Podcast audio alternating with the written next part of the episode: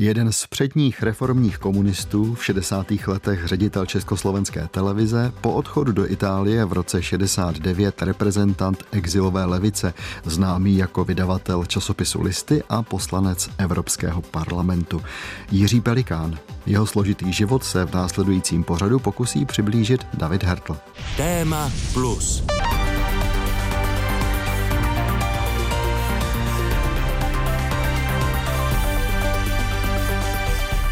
Mnohokrát jsem slyšel, že 20. století bylo dobou pro hrdiny i zbabělce, pro odvážné i pro zrádce. Málo kdy zazní, že to byla doba také pro všechny lidské typy mezi tím, že hrdina nebo zrádce se málo kdy vyskytují v čisté formě. Buď věčná čest a sláva těm, kteří od počátku prohlédli nebezpečí všech totalit a dokázali se jim vyhnout. Muž, nad jehož příběhem se dnes zamyslíme, tohle štěstí neměl. Když v 76 letech zemřel, měl za sebou aktivní život, ve kterém měl hodně příležitostí pro dělání chyb i pro jejich napravení. Posuďte, zda se mu to podařilo. V Praze se dnes konala tisková konference s Jiřím Pelikánem, bývalým ředitelem Československé televize, který byl po roce 1968 donucen k emigraci. K mikrofonu ho pozval Vladimír Pavrovský. Pane Pelikáne, vy máte až teď po dlouhých 20 letech poprvé možnost svobodně navštívit Československo. Proto bych se vás chtěl zeptat, jaký je hlavní účel vaší návštěvy? Já jsem si jsem přijel z delegací italské socialistické strany, ale hlavní důvod samozřejmě byl, abych se znovu podíval, tedy do Československa po těch 20 letech. Mohu předat své zkušenosti z práce v Evropském parlamentu a z, z, z kontaktu s Evropskou komisí v Bruselu, což je jakýsi zárodek evropské vlády a zprostředkovat potom různé, tedy jednak uzavření nové smlouvy mezi Československem a Evropským společenstvím, která by postavila ty vztahy na vyšší úroveň a potom otevřít i jako Československu dveře do různých tedy politických i ekonomických kruhů na západě. Takže bude to takový můj skromný příspěvek, protože já samozřejmě myslím, že tady je dost inteligentních a chytrých a kompetentních lidí, kteří vědí, co mají dělat. Do štědrého večera roku 89 zbývaly tři dny a v Praze se po 20 letech objevil člověk, který pro generaci studentů, kteří tehdy hýbali děním, byl málo známým exulantem. Ti starší si ho pamatovali za 60. let, kdy byl ředitelem Československé televize a ti ještě starší si vybavili nadšeného stalinistu, který po únoru 48 vehementně vyhazoval z vysokých škol studenty nesouhlasící s převzetím moci ve státě komunisty. Příběh Jiřího Pelikána má temné i světlé odstíny, které vylučují schematické zařazení ve stylu padouch nebo hrdina a nutí nás, abychom místo vynášení soudů spíš přemýšleli o důvodech a motivaci. Já bych schrnula život Pelikána jako člověka homo politicus, člověka, kterého od úplně raného mládí zajímala politika a byl politicky angažovaný. A myslím si, že často, když se o Pelikánovi mluví nebo o něm čteme, tak se zmiňuje taková informace, že tu svoji politickou kariéru začínal jako mladý stalinista. To je takový jako častý prvek toho příběhu Pelikánový, což je samozřejmě pravda, ale myslím si, že k tomu jeho příběhu je strašně důležité říct, že to nebyl začátek jeho politické kariéry, že on vlastně si formoval ty první názory na konci 30. let, ty svoje politické názory a vlastně formoval se jako mladý antifašista, respektive antinacista, aktivně působil v odboji a tady začíná jeho životní dráha, životní politická kariéra, protože vstupuje do ilegální komunistické strany ještě vlastně jako nezletilý a v tomhle bych řekla, že tomu zůstává prostě tahle identita silně komunistická, zároveň jako antifašistická po celý život a všechny kroky, ke kterým on směřuje potom eh, politicky, nebo které dělá obzvlášť v 50. a v 60. letech, jsou nějakým způsobem formované touhle jeho úplně počáteční iniciací politickou. Říká historička Kristýna Andělová z Ústavu pro soudobé dějiny Akademie věd. Jiří Palikán se narodil 7. února 1923 v Olomouci. Do komunistické strany vstoupil jako 16-letý v roce 1939. Následující rok jej v Dubnu zatkl gestapo. V říjnu byl propuštěn. V červenci 41 odešel od rodičů a žil ilegálně na různých místech na Vysočině nebo v Olomouci. Nacisté na něj vydali zatykač, ale jemu se podařilo získat falešné doklady, se kterými přežil do konce války jako tajemník obecního úřadu v Kořenci nedaleko Boskovic. On pocházel z poměrně jako vzdělané rodiny, ne určitě komunistické, jeho tatínek byl sochař, a takže z uměleckého prostředí. Maminka byla židovka, což bylo také důležité. Prožil to, když ta matka byla internovaná v koncentrační táboře, kde později e, zemřela. Velký vliv měl jeho bratr, kterému se přezdíval Kostya, byl starší a už v 30. letech jako aktivně se působil a angažoval mezi komunistickou mládeží a ovlivnil vlastně Pelikána. Na konci druhé světové války bylo Pelikánovi 22 let. Už během studií na Vysoké škole politických a sociálních nauk nastoupil dráhu mladého komunistického funkcionáře. Spolu s funkcí předsedy Ústředního svazu československých studentů v letech 1948 až 53 byl ve stejném období pracovníkem Ústředního výboru komunistické strany Československa a poslancem Národního schromáždění. Určitě velká část nejen mladší generace, ale i starší po té válce se přiklání doleva. Řekla bych taková politická reakce, která se netýká jenom východní Evropy, vlastně i v západní Evropě se tohle děje. Velká část vlád je levicových a procesy, které známe z Československa jako znárodňování nebo zestátňování probíhá třeba i v Anglii. Takže tohle je reakce, která určitě je generační. Jiří Pelikán ovšem je extrémně výjimečný tím, že ne, nebyl jenom nadšený mladý komunista, tak jako mno, mnozí lidé, kteří měli odpor tedy k fašismu nebo k nacismu a, a chtěli jinou politiku. On byl opravdu vysoký funkcionář, který už ve velice mladém věku zastával mnoho funkcí ve studentských organizacích, mládežnických organizacích. A v Národní frontě byl nejmladším poslancem Národního schromáždění a to všechno stihnul do 25 let. Takže uh, myslím si, že on je opravdu člověk, který není jenom nějaký nadšený stalinista, ale opravdu aktivní intelektuál a vlastně mladý politik, který si buduje svoji politickou kariéru.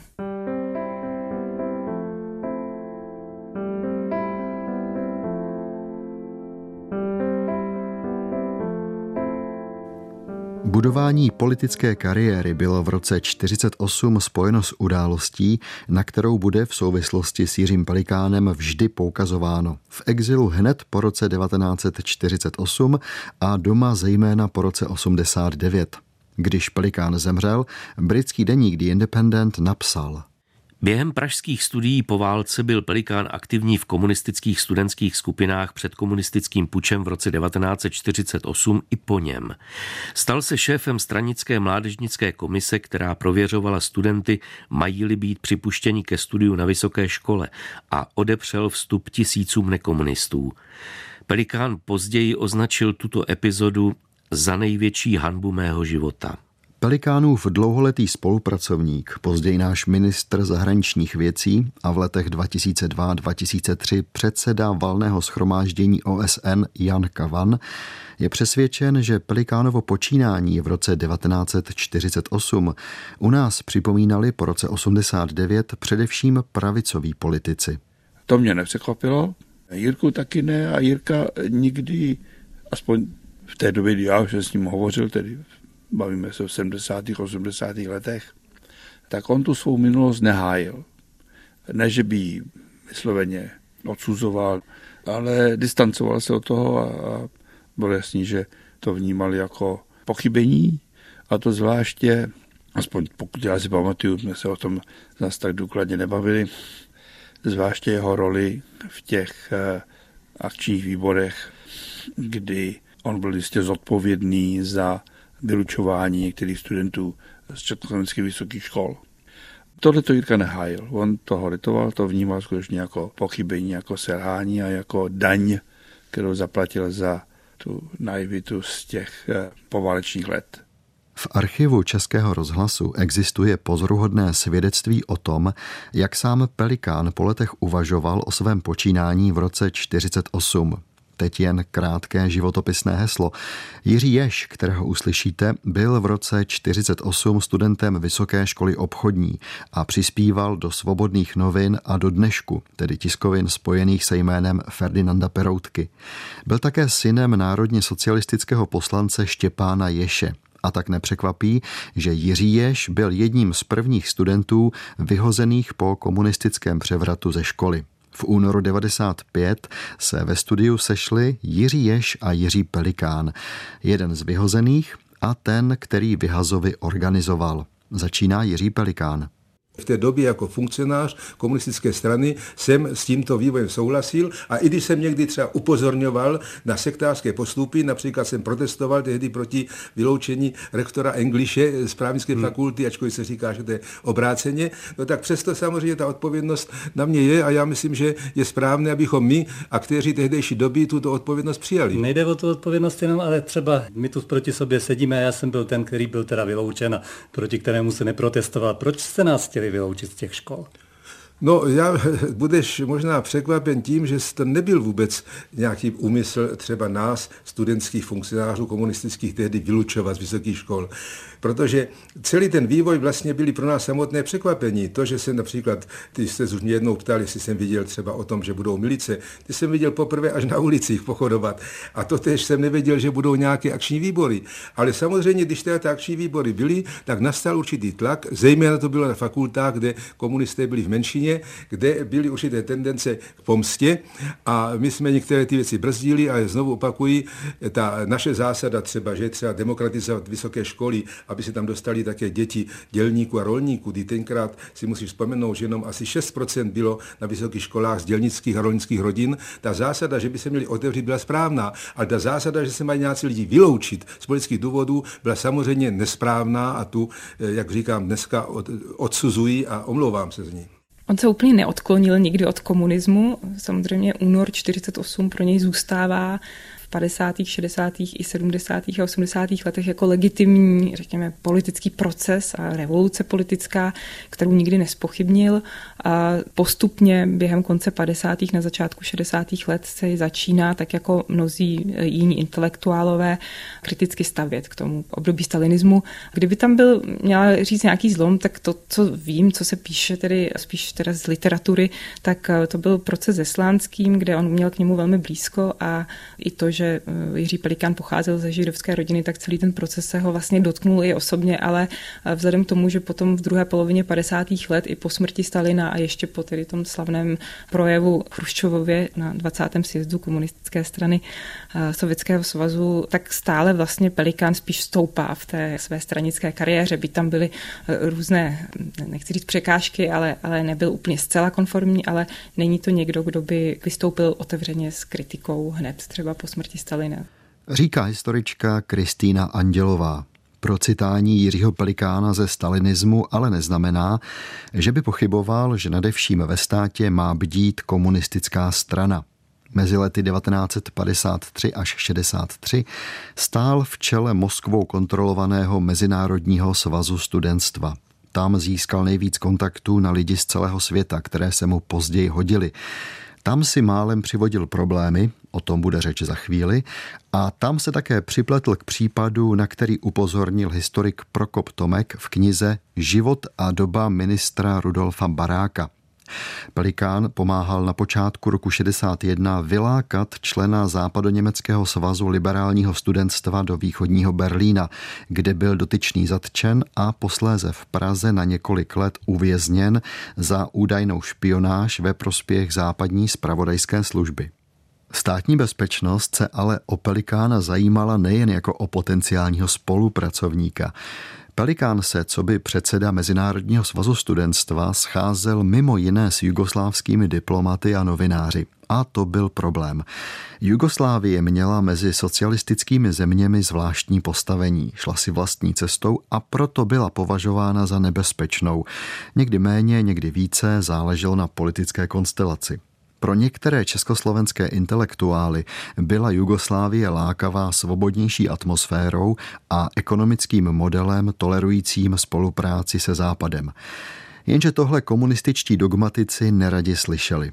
Těžko říci, nakolik Pelikánovi hrozil na počátku 60. let politický proces, jak se to občas lze dočíst, nebo jak vážné bylo obvinění z revizionismu, o němž mluvil sám Pelikán.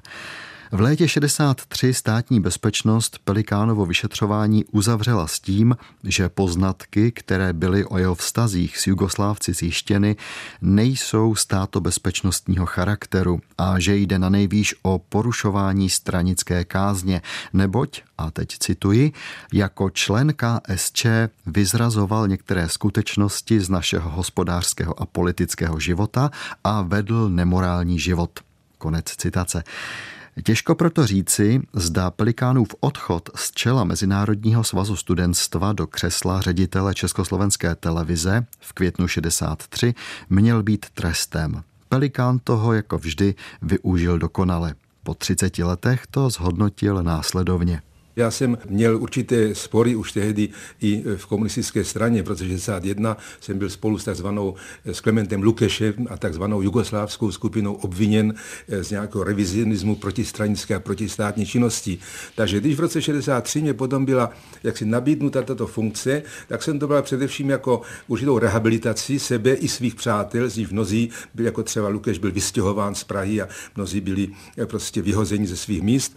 A jednak to byla doba Chruščova, to nesmíme zapomenout, ano. kdy se otvírala okna a kdy také tehdy bylo řečeno, televize teďka by měla také otevřít okna ke společnosti. A protože jsem cestoval mezi tím a viděl jsem, jaký vliv má televize, což ještě tenkrát se u nás to, tak nejevilo, hmm. tak jsem myslel, že to bude velmi důležitý instrument pro určitý proces rozšiřování obzorů, demokratizace i také u nás.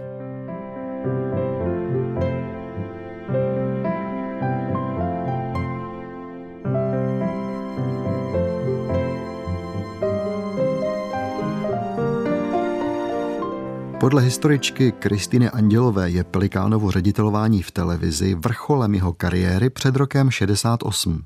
Určitě je to a opět vlastně tuhle funkci získává jako ve velmi mladém věku. Je to v roce 63, takže Pelikánovi je 40 let a získává eh, funkci, která ještě v té době jako s tím, co znamenala televize a jak jako médium, které bylo řízené stranou a musel prostě celý jeho provoz být prověřený, tak v tomhle smyslu získává jednu jakoby z eh, nejvyšších funkcí, která jako lze získat v tom veřejném prostoru nebo jako zástupce nějaké veřejné instituce. Podrobný popis toho, jak televize fungovala pod Pelikánovým vedením, publikovala Jarmila Cisařová nejen všechny nové pořady, které se na obrazovce objevily, ale také nekonečné handrkování s cenzurou, které nejednou musel Pelikán řešit až na nejvyšších místech. Některé pořady byly zakázány a objevily se na obrazovkách až v roce 68. Kristýna Andělová je přesvědčená, že zdaleka ne všechno, co televize v roce 68 odvysílala, bylo zásluhou Jiřího Pelikána. Obrazně řečeno, jeho přínos spočíval v tom, že dokázal otevřít dveře. Myslím si, že to je taková věc toho reformního komunismu, který umožnil vlastně ty kroky a potom už nějakým způsobem si to společenské dění plynulo trochu svým vlastním jako směrem nebo proudem, ale Pelikán zůstává komunistou, reformním komunistou, dostává se potom v roce 68 také do ústředního výboru komunistické strany. To byli lidé, kteří sice stáli o otevřený dialog a liberalizaci té strany nějakým způsobem, ale rozhodně neusilovali o spochybnění třeba jakoby vedoucí úlohy té strany. Pořád vlastně ta vize byla, že by měla proběhnout demokratizace komunismu a že by v tom Československu ta společnost se měla otevírat třeba jakoby, nebo jít nějakým směrem, tak jako už v 60 60. letech eh, směřoval ten takzvaný eurokomunismus. Takže myslím si, že Pelikán za jeho ředitelování, obzvlášť v roce 68, existovalo mnoho pořadů, které opravdu, o kterých se mluvilo jako o zcela svobodných pořadech, kde lidé prostě už jako mohli mluvit svobodně bez cenzury a mm, také podporoval živé vysílání, to znamená, že zase jako by ta cenzura nebyla, tam to nebylo připravené, instruované, ale nedá se říct, že by to byl zase člověk, který chtěl úplně otevřít a demokratizovat ve smyslu nějaké liberální demokracie, jaký známe dneska. Já myslím skutečně, že v tom je, je třeba objektivně velký rozdíl, třeba v tom postoji jaksi dnešních, tedy mladých lidí a třeba nás v té době, v jejich věku, protože my jsme skutečně, aspoň mohu mluvit samozřejmě za sebe jenom, mnoha věcem eh, jaksi s velikým nadšením a upřímností a někdy velmi slepě věřili. Dokonce měli jsme někdy nějaké pochybnosti, tak jsme je v sobě potlačovali, protože jsme si říkali, no to je asi tím, že máš ty pochybnosti, páš nejseš dost vyspělý. Samozřejmě má to třeba svoje určité historické kořeny, protože mnozí z nás jak si vstoupili do politického života nebo do strany v době, která byla jiná. Já jsem třeba vstoupil do komunistické strany ve 40. roce, v době okupace, kdy, jak si šlo o to bojovat a samozřejmě tenkrát o nějakých informacích nebyl problém. My jsme zvykli, že je třeba věřit, protože člověk musel věřit, ať už tedy podzemí nebo vyvězení a podobně. A i po 45. roce dlouhou dobu nás znesla taková, by řekl, víra, která byla mnohem silnější někdy než rozumové uvažování. Řekl Jiří Pelikán v pořadu Porota v březnu 68. Vyznání osobní a skoro téměř generační, že? Posloucháte pořad Téma Plus. Příběhy o tom, jak minulost ovlivňuje současnost. Pořad najdete také na webu plus.rozhlas.cz, v aplikaci Můj rozhlas a v dalších podcastových aplikacích. Po okupaci Československa v srpnu 68 se Jiří Pelikán zúčastnil 14. Vysočanského sjezdu komunistické strany.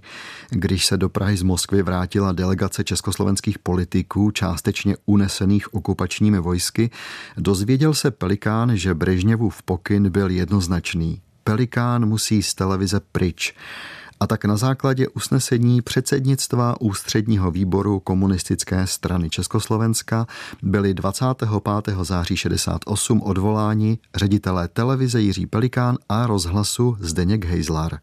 Pelikán byl vyslán do Itálie jako náš kulturní přidělenec v Římě. V září 69 na výzvu československých úřadů odmítl přijet do Prahy a zůstal v italském exilu. Rozhlasové noviny Československého rozhlasu 2. října 1969. Sekretariát UVKSČ vyloučil dnes ze strany Jiřího Pelikána, bývalého ústředního ředitele Československé televize a v posledním období kulturního radu na Československém velvyslanectví v Římě. Jiří Pelikán, který se měl 16. září vrátit do vlasti, dezertoval, zůstal v emigraci a buržoáznímu tisku a propagandě dal k dispozici prohlášení, které je v úplném rozporu s učením i politikou komunistické strany. Pelikánovi začátky v Itálii nebyly vůbec jednoduché. Ten vstup do italské politiky, samozřejmě je to vstup exulanta, který ztrácí své občanství, ví, že do té vlasti se nemůže vrátit. Nikdy to není jednoduché. Na druhou stranu my máme třeba zachovanou korespondenci Dušana Havlíčka, Jiřího Pelikána, nebo v Pelikánově v archivu v Římě ještě jakoby další korespondence s různými jeho přáteli, takže eh, my můžeme trošku rekonstruovat ten vstup do té nové vlastně politické reality.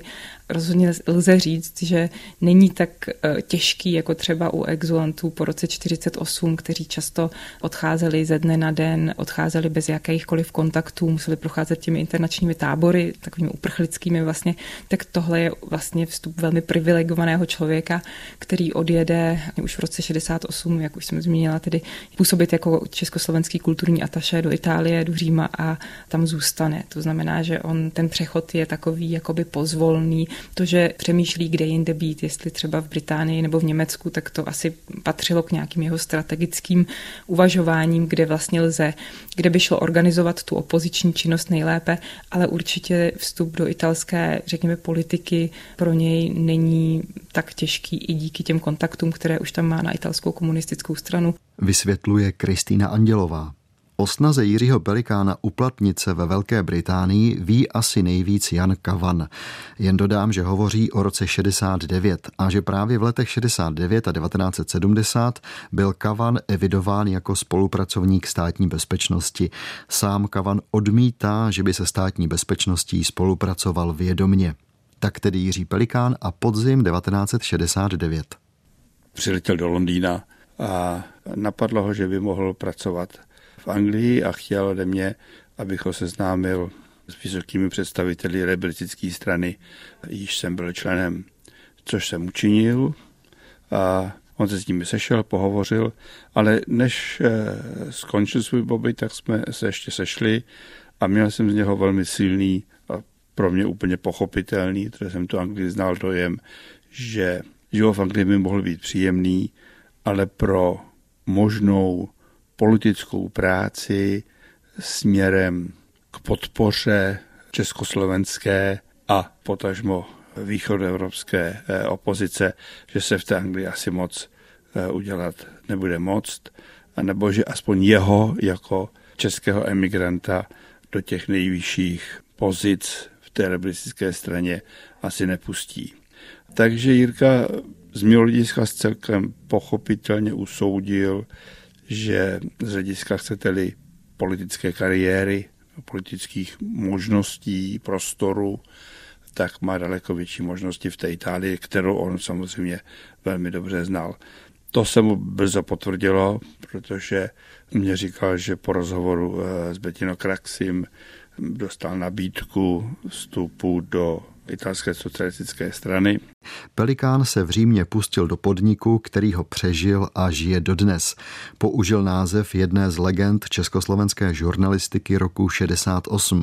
Ty noviny se původně jmenovaly literární noviny, potom literární listy a do května 69 už jen listy, pak byly zakázány. V roce 1970 vyšla v Římě dvě nultá čísla listů a od ledna 71 začaly listy vycházet pravidelně s podtitulem Časopis Československé socialistické opozice. Tím, že vycházely po celou dobu nesvobody a podařilo se jejich vydávání přenést i do svobodných poměrů, jsou podle Kristiny Andělové unikátní je zatím velké úsilí úzké skupiny lidí, která obzvlášť jako v tom počátku tomu věnovala veškerou svoji aktivitu je to zajímavé v tom, že ta redakce, ten úzký kruh redakční skupiny, jsou to všichni lidé, kteří byli v ústředním výboru komunistické strany v roce 68. Mezi nimi je třeba ještě Zdeněk Heisler nebo Eduard Goldsticker nebo Otašik. A začínají s velkým politickým sebevědomím, protože mají pocit, že oni jsou ty legitimní představitelé té velké komunistické strany. Dokonce se mluví o takzvané straně vyloučených, a to měly být ty masy lidí, kteří vlastně budou podporovat tuhle domácí i, i exilovou opozici. Takže listy vlastně takhle začínají jako časopis, který má reprezentovat ten velký lidový potenciál toho roku 68.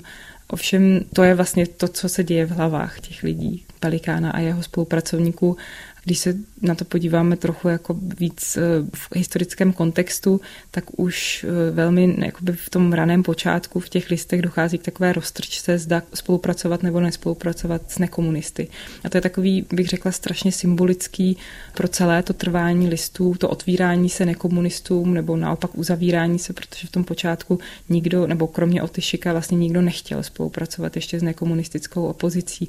Pořád tam vlastně byl nějaký jakoby ten silně reformně komunistický komunistický etos toho, že ten časopis musí fungovat na té socialistické platformě.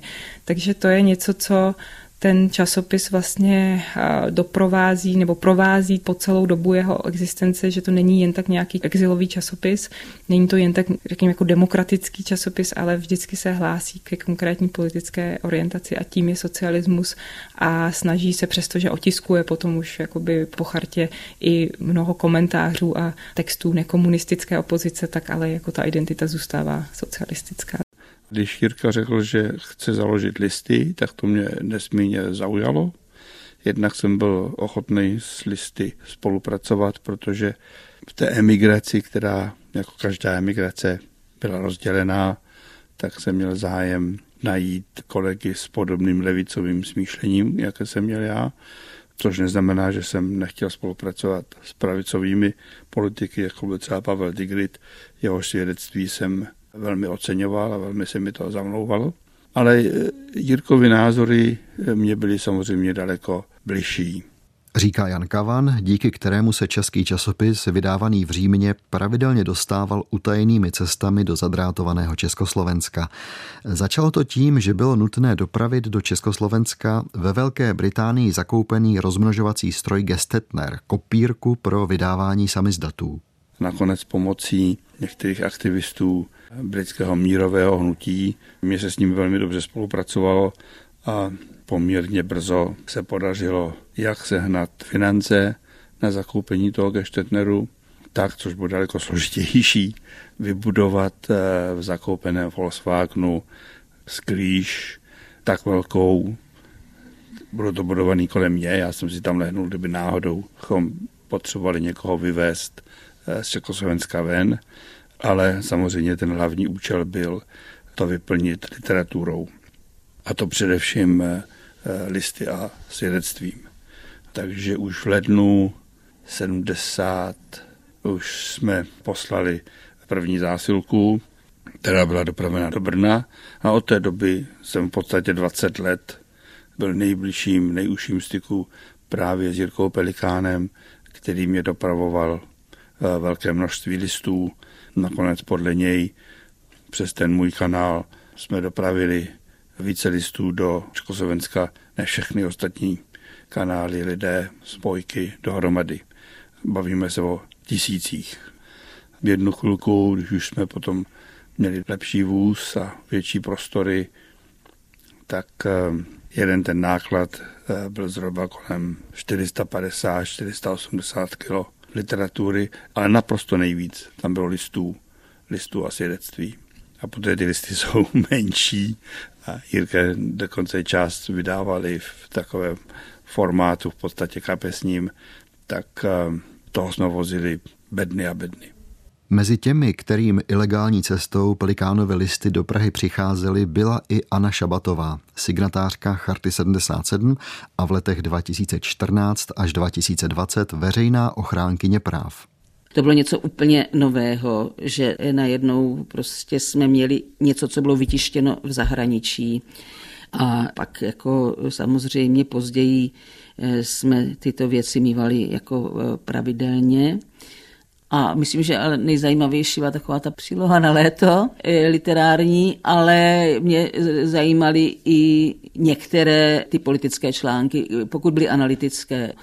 A on ještě, jestli se nemýlím, publikoval články o situaci v jiných zemích než v Československu a dokonce taky třeba nějaké pohledy na, na západní Evropu. A to mi přišlo jako důležité, protože nějak si člověk uvědomoval, že potřebuje mít ten pohled komplexní a nejenom e, z té perspektivy osobní, byť byla důležitá. A o listech ještě disident a zakladatel nadace Charty 77 František Janouch. Text, ze kterého citujeme, vznikl v roce 1991. Listy jsou exilovým dílem, které nebylo plně oceněno. Bez Pelikána by listy nevydržely a nepřežily. Jirka je doslova dělal na kolenou, alespoň v prvních letech jejich existence. Staral se o všechno. Psal úvodníky, redigoval články, navíc jsem ho vydával v Římě v jeho bytě po nocích lepit hotové sloupcové korektury do stránek. Dokonce listy i kolportoval. Jeho nejbližší kamarádi dostávali signální výtisk v obálce nadepsané ručně Jirkou. Byl zřejmě jedním z nejlépe informovaných exilových činitelů o situaci v Československu. Je mi dodnes záhadou, jak dokázal strávit a analyzovat to množství informací, které k němu neustále proudily. A jak dokázal držet v hlavě a v malé aktovčičce záplavy textů a dokumentů a vyznat se v nich. A vybrat z nich ty nejlepší a nejzajímavější pro listy.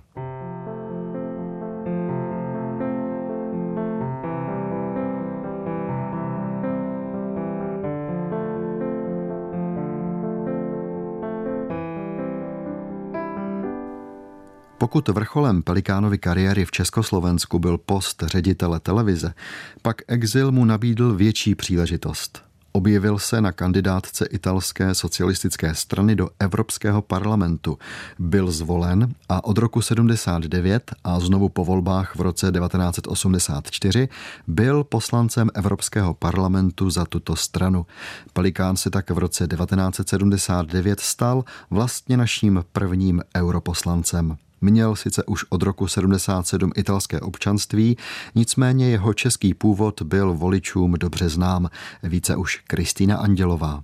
To, co bych spíš jakoby považovala za příznačné, je to právě, že on jako věřící komunista se ocitá na kandidáce socialistické strany, což pramenilo z takového až jako schizmatu té italské komunistické strany, která sice velmi jako ideově byla blízko tomu pražskému jaru nebo směřování té československé komunistické strany během pražského jara, ale zároveň byla pořád oficiálně tedy jako spojencem řekněme, nebo partnerem v Moskvě a byla financována z Moskvy, takže tam prostě docházelo k takovému trochu až jako střetu zájmu, kdy ten Pelikán třeba v některých jakoby svých vzpomínkách právě jako mluví o tom, že cítil vyjádření podpory od mnohých tedy komunistických politiků z té komunistické strany, ale nikdy se nestal členem této strany, protože by byl pořád chápán v tom, řekněme, jako oficiální vyjádření jako nepřítel Československé komunistické strany a východního bloku.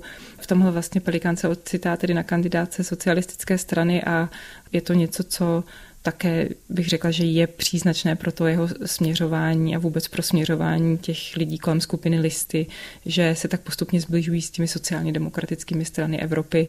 A jak hodnotí Pelikánův úspěch Jan Kavan? Já jsem ho ve Strasburku často naštěvoval a viděl jsem, jaký hluboký respekt on tam u kolegů poslanců používá, protože byl v podstatě jediný z naší části světa a byl pro ně ceným zdrojem informací, co se u nás děje.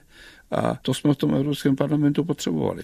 Ale on se nikdy netajil tím, že i v rámci té italské socialistické strany prosazuje zájem toho, co on sám nazýval československou socialistickou opozicí. A nejsem si vědom, že by kdokoliv eh, z nás, emigrantů, dosáhl srovnatelného postavení a úspěchu v tom politickém světě. Já si myslím, že v mnoha zemích by to, co se podařilo Jirkovi eh, v Itálii, eh, by nebylo možné. Mimochodem, domnívám se, že ani tady u nás by se nenašlo dostatek voličů, aby zvolili byť politicky sympatizujícího cizince za českou politickou stranu, třeba do Evropského parlamentu nebo nějaké jiné mezinárodní instituce. Myslím si, že by k tomu nedošlo. Ta Itálie v tomto smyslu je odlišná a já jsem si to uvědomil na dvou příkladech. Jednak jsem jezdil za Jirkou do Milána, on sice bydlel v Římě, ale jeho volební okrsek pro italskou socialistickou stranu bylo Miláno. A on tam vystupoval právě na těch volebních shromážděních, ale setkával se i s občany, se svými voliči a řešil jejich problémy. To jsem viděl a viděl jsem, jaký hluboký respekt on má a jak je tam tedy populární co bylo nesmírně zajímavé. A ještě Jiří Pelikán vlastními slovy v rozhovoru z února 1995. Já jsem vedl dialog se všemi politickými stranami v Itálii, samozřejmě v prvé řadě tedy s komunisty, které jsem znal ještě z hnutí mládeže, studentstva anebo i z té televize, ale i s křesťanskými demokraty a ze socialisty. Ale byli to právě socialisté, kteří mě často zvali na různé konference a kteří mě potom v roce 79, kdy byly první volby do Evropského parlamentu přímé, kteří mě nabídli místo na své listině a kteří mě přímo prezentovali tak, teďka my, Italové, kteří známe trpký osud emigrace, pak celé generace italské odcházely, my chceme dát také slovo ve Štrasburku v Evropském parlamentu. Je tomu, kdo může mluvit za ty, kteří v Praze, Varšavě, Budapešti mluvit zatím nemohou. No tak byla to taky trošku emocionální záležitost, já myslím pro Itálii taková novinka, já jsem sám byl překvapen a i ti, co mě navrhli na tu listinu, že já jsem dostal 130 tisíc preferencí v tom severo-italském, tedy kraji, to je Miláno, Torino a samozřejmě přízvuk mám, říkali mě, že mluvím italsky jako Vojtila, který taky má samozřejmě ten slovanský přízvuk papež eh, Pavel, ale současně mě často potěšilo, že mě třeba říkali lidé, no ty sice děláš gramatické chyby, ale mluvíš mnohem jasněji než italští politikové, protože jsem se snažil, abych nemluvil dlouho, jak italští politikové mluví většinou dvě hodiny, tak jsem mluvil krátce a snažil se mluvit o těch věcech, které lidi zajímají. Nebylo to samozřejmě jednoduché, pak jsem musel řešit ten konflikt, že jsem byl zvolen za Itálii, či musel jsem hájit italské zájmy v tom Evropském parlamentu ale současně jsem věděl, že to je tribuna, kterou musím využít, abych mluvil proti porušování občanských práv v Československu.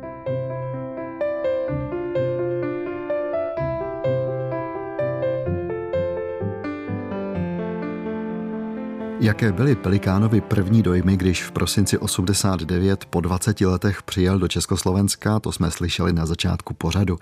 V letech 1990 až 1991 byl Pelikán členem Rady konzultantů prezidenta Václava Havla. K pramalé radosti těch, kteří v něm stále viděli fanatického stalinistu, vylučujícího nekomunistické studenty z vysokých škol po únoru 48. Byli rozčarovaní, ale stejně rozčarovaný byl i Jiří Pelikán. Nejprve vzpomínka Jana Kavana.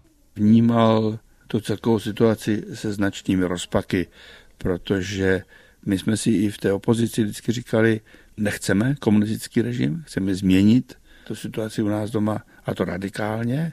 Svoboda demokracie nebyly prázdní fráze, a chtěli jsme samozřejmě svobodu tisku, svobodu projevu a podobně, ale úvaha, že bychom prosadili jakýsi eh, moderní kapitalistický systém, tak ta aspoň v kruzích spolupracovníků listů nebyla, nebo jsem já na ně nikdy nenarazil.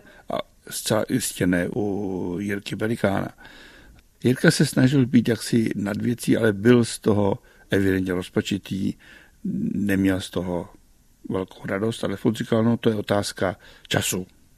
A lidé brzo poznají, že tudy cesta nevede, a je to celkem pochopitelné, protože naprostá většina nemohla cestovat, neznala ty poměry na západě, neměla možnost srovnávat a analyzovat, a neměla ty informace, co jsme měli my, když jsme desítky let žili venku. Hned na počátku 90. let se s Jiřím Pelikánem seznámil Petr Pospíchal, který od září 1990 do července 92 pracoval v kanceláři prezidenta republiky jako zástupce ředitele sekce zahraniční politiky a poté byl do roku 98 prvním velvyslancem České republiky v Bulharsku. Myslím, že ten hlavní proud mých debat s ním byl spíš o politice jako podstatě těch veřejných procesů a o tom, jak se teda dostat z té situace před listopadem 89 nějaké nové historické etapě. No. Uvažoval jinak než naprostá většina lidí tehdy v Československu. Naprosto jinak to bylo vidět, že tím, že měl odstup, tak ty věci viděl trochu rozloženěji, trochu v jiném kontextu. Byl bez předsudků jak vůči lidem, byť ne všichni mu samozřejmě byli stejně sympatičtí, tak vůči tomu, co se tady dělo. A myslím si, že tu ekonomiku, nebo takový ten rychlý obrat, který tady samozřejmě způsobil eh, celou řadu potíží a oslabil poměrně velkou část společnosti, takže samozřejmě to nebylo něco, s čím by mohl souhlasit, ale na druhé straně uvažoval i v tomhle smyslu mnohem, mnohem šířeji a mnohem podstatněji. Celá ta nová situace, to, jak se například na tom bude podílet eh, levice, jak se ta levice vytváří, byl si vědom toho, čeho si tady málo kdo byl vědom, že to politické spektrum se musí skládat jako celek, že prostě není možné tu jednu část eh, neustále dehonestovat a vyhánět z té politiky. No. A ještě názor historičky Kristýny Andělové celá ta vlastně jeho činnost v 70. a v 80. letech směřovala k nějaké rehabilitaci demokratického socialismu. To znamená, že demokracii viděli jako důležitou, ale to, že všichni vycházeli z marxistických pozic a intelektuálně pro ně překonání kapitalismu bylo jako ten, řekněme, krok vpřed dějný. To znamená, že pro něj vlastně 89. ve výsledku byl zklamáním, obzvlášť potom to, co se dělo v 90. letech, kdy poměrně brzo vlastně i do toho veřejného prostoru vstupuje nějaký vyhrocený antikomunismus a Jiří Pelikán přesto, že působil 20 let vlastně jako exilový politik, jako politik, který svojí činností pomáhal té domácí opozici, bojoval proti té normalizační politice slovem, ale často i činem, tak má pocit, že najednou je ocejchován jako ten komunista, stalinista, částečně tedy legitimně a vlastně dochází u něj jako k velkému zklamání z té politiky.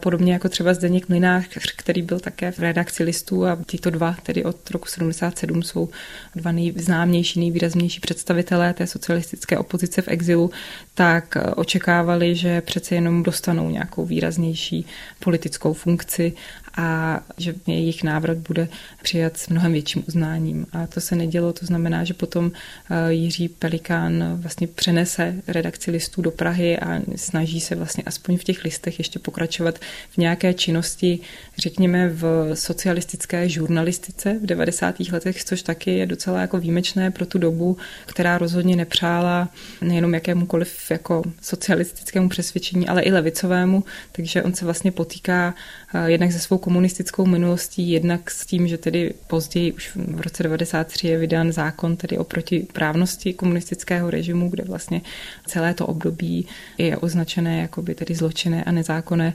takže v tomhle ten pelikán, myslím si, že tak jako mnozí reformní komunisté, kteří si slibují od těch 90. let nějakou jakoby částečnou rehabilitaci, tak spíš ten jeho konec politické kariéry takový zahořklý. Vměstnat portrét Jiřího Pelikána do 50 minut je nemožné. Nezmínil jsem se o aktivitách státní bezpečnosti, která v roce 75 naplánovala a vlastně i realizovala pokus o atentát na Jiřího Pelikána v Římě. Ani slovo nepadlo o angažmá Jiřího Pelikána v roce 83, kdy vojáci z angolského povstaleckého hnutí UNITA unesli přes 60 československých mužů, žen a dětí, kteří žili a pracovali ve městě Alto Catumbela. Do jednání vedle československých orgánů významně vstoupil vahou svého mandátu poslance Evropského parlamentu i Jiří Pelikán, který se dokonce vydal jednat s povstalci do Angoly. Jsou to drobnosti. Přitom všichni, kteří Pelikána znali, se shodují, že jeho život lze posuzovat jen jako celek. Nejprve Jan Kavan.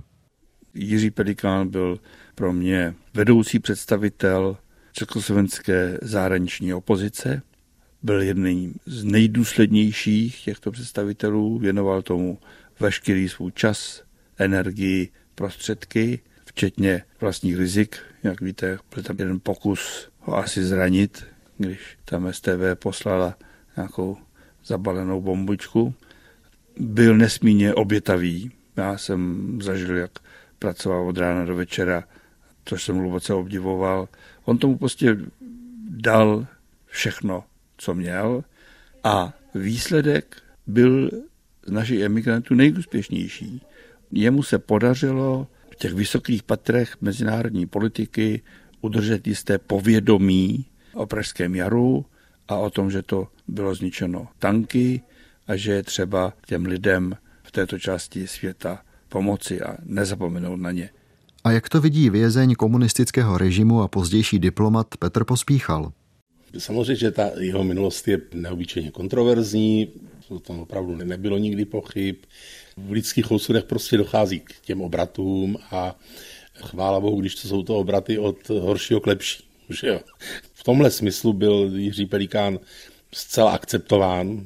Jasně, že to neznamená, že by si člověk nekladl nějaké otázky, že na druhou stranu tady těch lidí, kteří se v tom období, řekněme 48 až 50, účastnili procesu, který škodili řadě jiných lidí, ať už studentů, tak takových lidí tady bylo víc a viděli jsme, že to mělo hlubší příčiny, že ty procesy po té válce určitě nebyly úplně černobílí a že nějaká potřeba účastnit se jich a být jejich součástí prostě zaslepila vlastně velké části toho jejich pokolení, e, zaslepila výhled a prostě uvedla do klamu nebo na cestí a jestliže byli potom schopni se s tím dlouhodobě čestně vyrovnat, jasně, pořád tady zůstávají ty oběti, ti, kteří nemohli dostudovat a ti, kteří měli život v troskách. O tom prostě vůbec není pochyb a to si každý člověk nese potom sám, ten, kdo se na tom účastnil a tady musíme říct, prostě je to v životě složitý a s celou pokorou to prostě nějak odkázat Jiřímu Pelikánovi, jeho svědomí, jeho schopnosti se s tím vyrovnat a konec konců dějinám. Že? Signatářka Charty 77 a držitelka ceny OSN za obranu lidských práv Anna Šabatová a její pohled na Jiřího Pelikána. Já se na něj dívám jako na významnou osobnost, eh, která samozřejmě, jak prošla těma dějinama 20. Eh, století, tak tam byly i situace, které si myslím, že i jeho následně mrzely a je třeba na ně prohlížet eh, kriticky. Asi nejvíc se to týká té účasti v těch výborech, které způsobily vylučování vysokoškoláků z vysokých škol. To, že byl předsedou toho Mezinárodního studentského svazu, na to já tolik kriticky nenahlížím. To prostě samo o sobě ještě se nedá říct, že by zakládalo nějaký problém. Samozřejmě ten svaz hrál nějakou roli, ale asi zprostředkovával i nějaké pozitivní věci. A on byl od roku 63 v československé televizi tím ředitelem. Ten nepochybně pozitivní vývoj několika lety československé televize je něco, co je velmi přínosné pro celou společnost. Snad už tím jako eh, mohl nějakým způsobem, ač to tak možná sám nenazýval a nereflektoval, napravit zmírnit to, co třeba v určitém dogmatismu dělal v těch 50. letech. Dlouholetým spolupracovníkem Jiřího Pelikána byl Milan Horáček, který po srpnu 68 odešel do exilu v západním Německu, podílel se na vydávání německé verze Pelikánových listů a v letech 2004 až 2009 byl poslancem Evropského parlamentu za německou stranu Spojenectví 90 zelení. Některé věci, které člověk jakoby nezažije na vlastní kůži, tak to nevyčte ani z té nejchytřejší knihy, ale když o tom takhle mluvíme, jo, v teple a v klidu, tak to člověk vůbec nemůže se vším všude jako vstřebat. Tyhle lidi měli za sebou taky asi jako mladí určitý ideály. Byli v blbé době. A proto já to chápal tak, že řada z nich se snažila očinit to, co eh, svýho času dělali, nebo takhle, protože předtím zažili, já nevím, takovou či jinou persekuci, nebo takový či jiný útlak, nebo a tak dále. Jirka byl úžasně pracovitý a byl už do určité míry logicky vyčerpaný. On neskutečně pracoval. Z mýho pohledu je to jeden z nejúžasnějších lidí, který jsem potkal. Jo? O jednoduché vyjádření toho, co snad ani jednoduše vyjádřit nelze, se pokusila i historička Kristýna Andělová. Nedávno jsem pomáhala s uspořádáním výstavy o Reslovi Šabatovi, který má podobný osud politický. A když jsme o tom přemýšleli, tak jsme dospěli k takové jediné větě, život je dlouhý. A když se potom podíváme na jeho činnost Pelikánovu, eh, jak v 50. letech, v 60. v 70. tak ta kontinuita mi tam zřetelná, dává smysl a je to život člověka, který se chtěl politicky angažovat a vždycky našel cestu. Je rámovaná nějakou silnou politickou zkušeností a politickými idejemi, které vlastně zůstávají konzistentní. Hledat způsoby, jak realizovat socialismus a jakým způsobem vytvořit socialistickou společnost a ty způsoby, ale i názory se samozřejmě měnily v čase v kontextu historických událostí. To, že na počátku těch 50. let věřil v to, že opravdu je třeba i násilně zlikvidovat tedy některé vrstvy společnosti a že to je ta věc, kterou se vyřeší, tedy ten zásadní společenský konflikt a nastane prostor pro demokratickou politiku, tak to samozřejmě k tomu nedošlo a ty názory postupně přehodnocuje a když se to nepovede ani v tom roce 68, tak zase si hledá nové, nové způsoby, jak tu socialistickou politiku realizovat a vlastně se mu to jako na poměry toho, co šlo, relativně daří.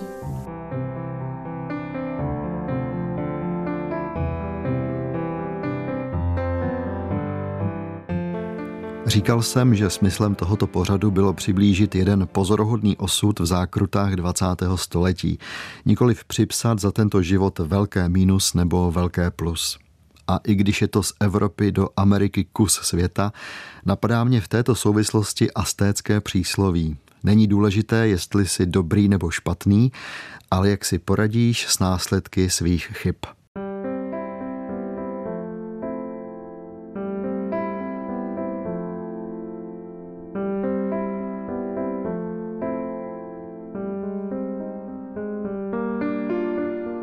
Pořadu z cyklu Téma Plus, věnovaném Jiřímu Pelikánovi, jste slyšeli historičku Kristýnu Andělovou.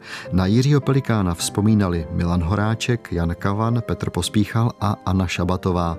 Texty z odborné literatury přečetl Libor Vacek, zazněly ukázky historických pořadů z archivu Českého rozhlasu. Technicky spolupracoval Ladislav Čurda a i za něj se od mikrofonu loučí David Hertl.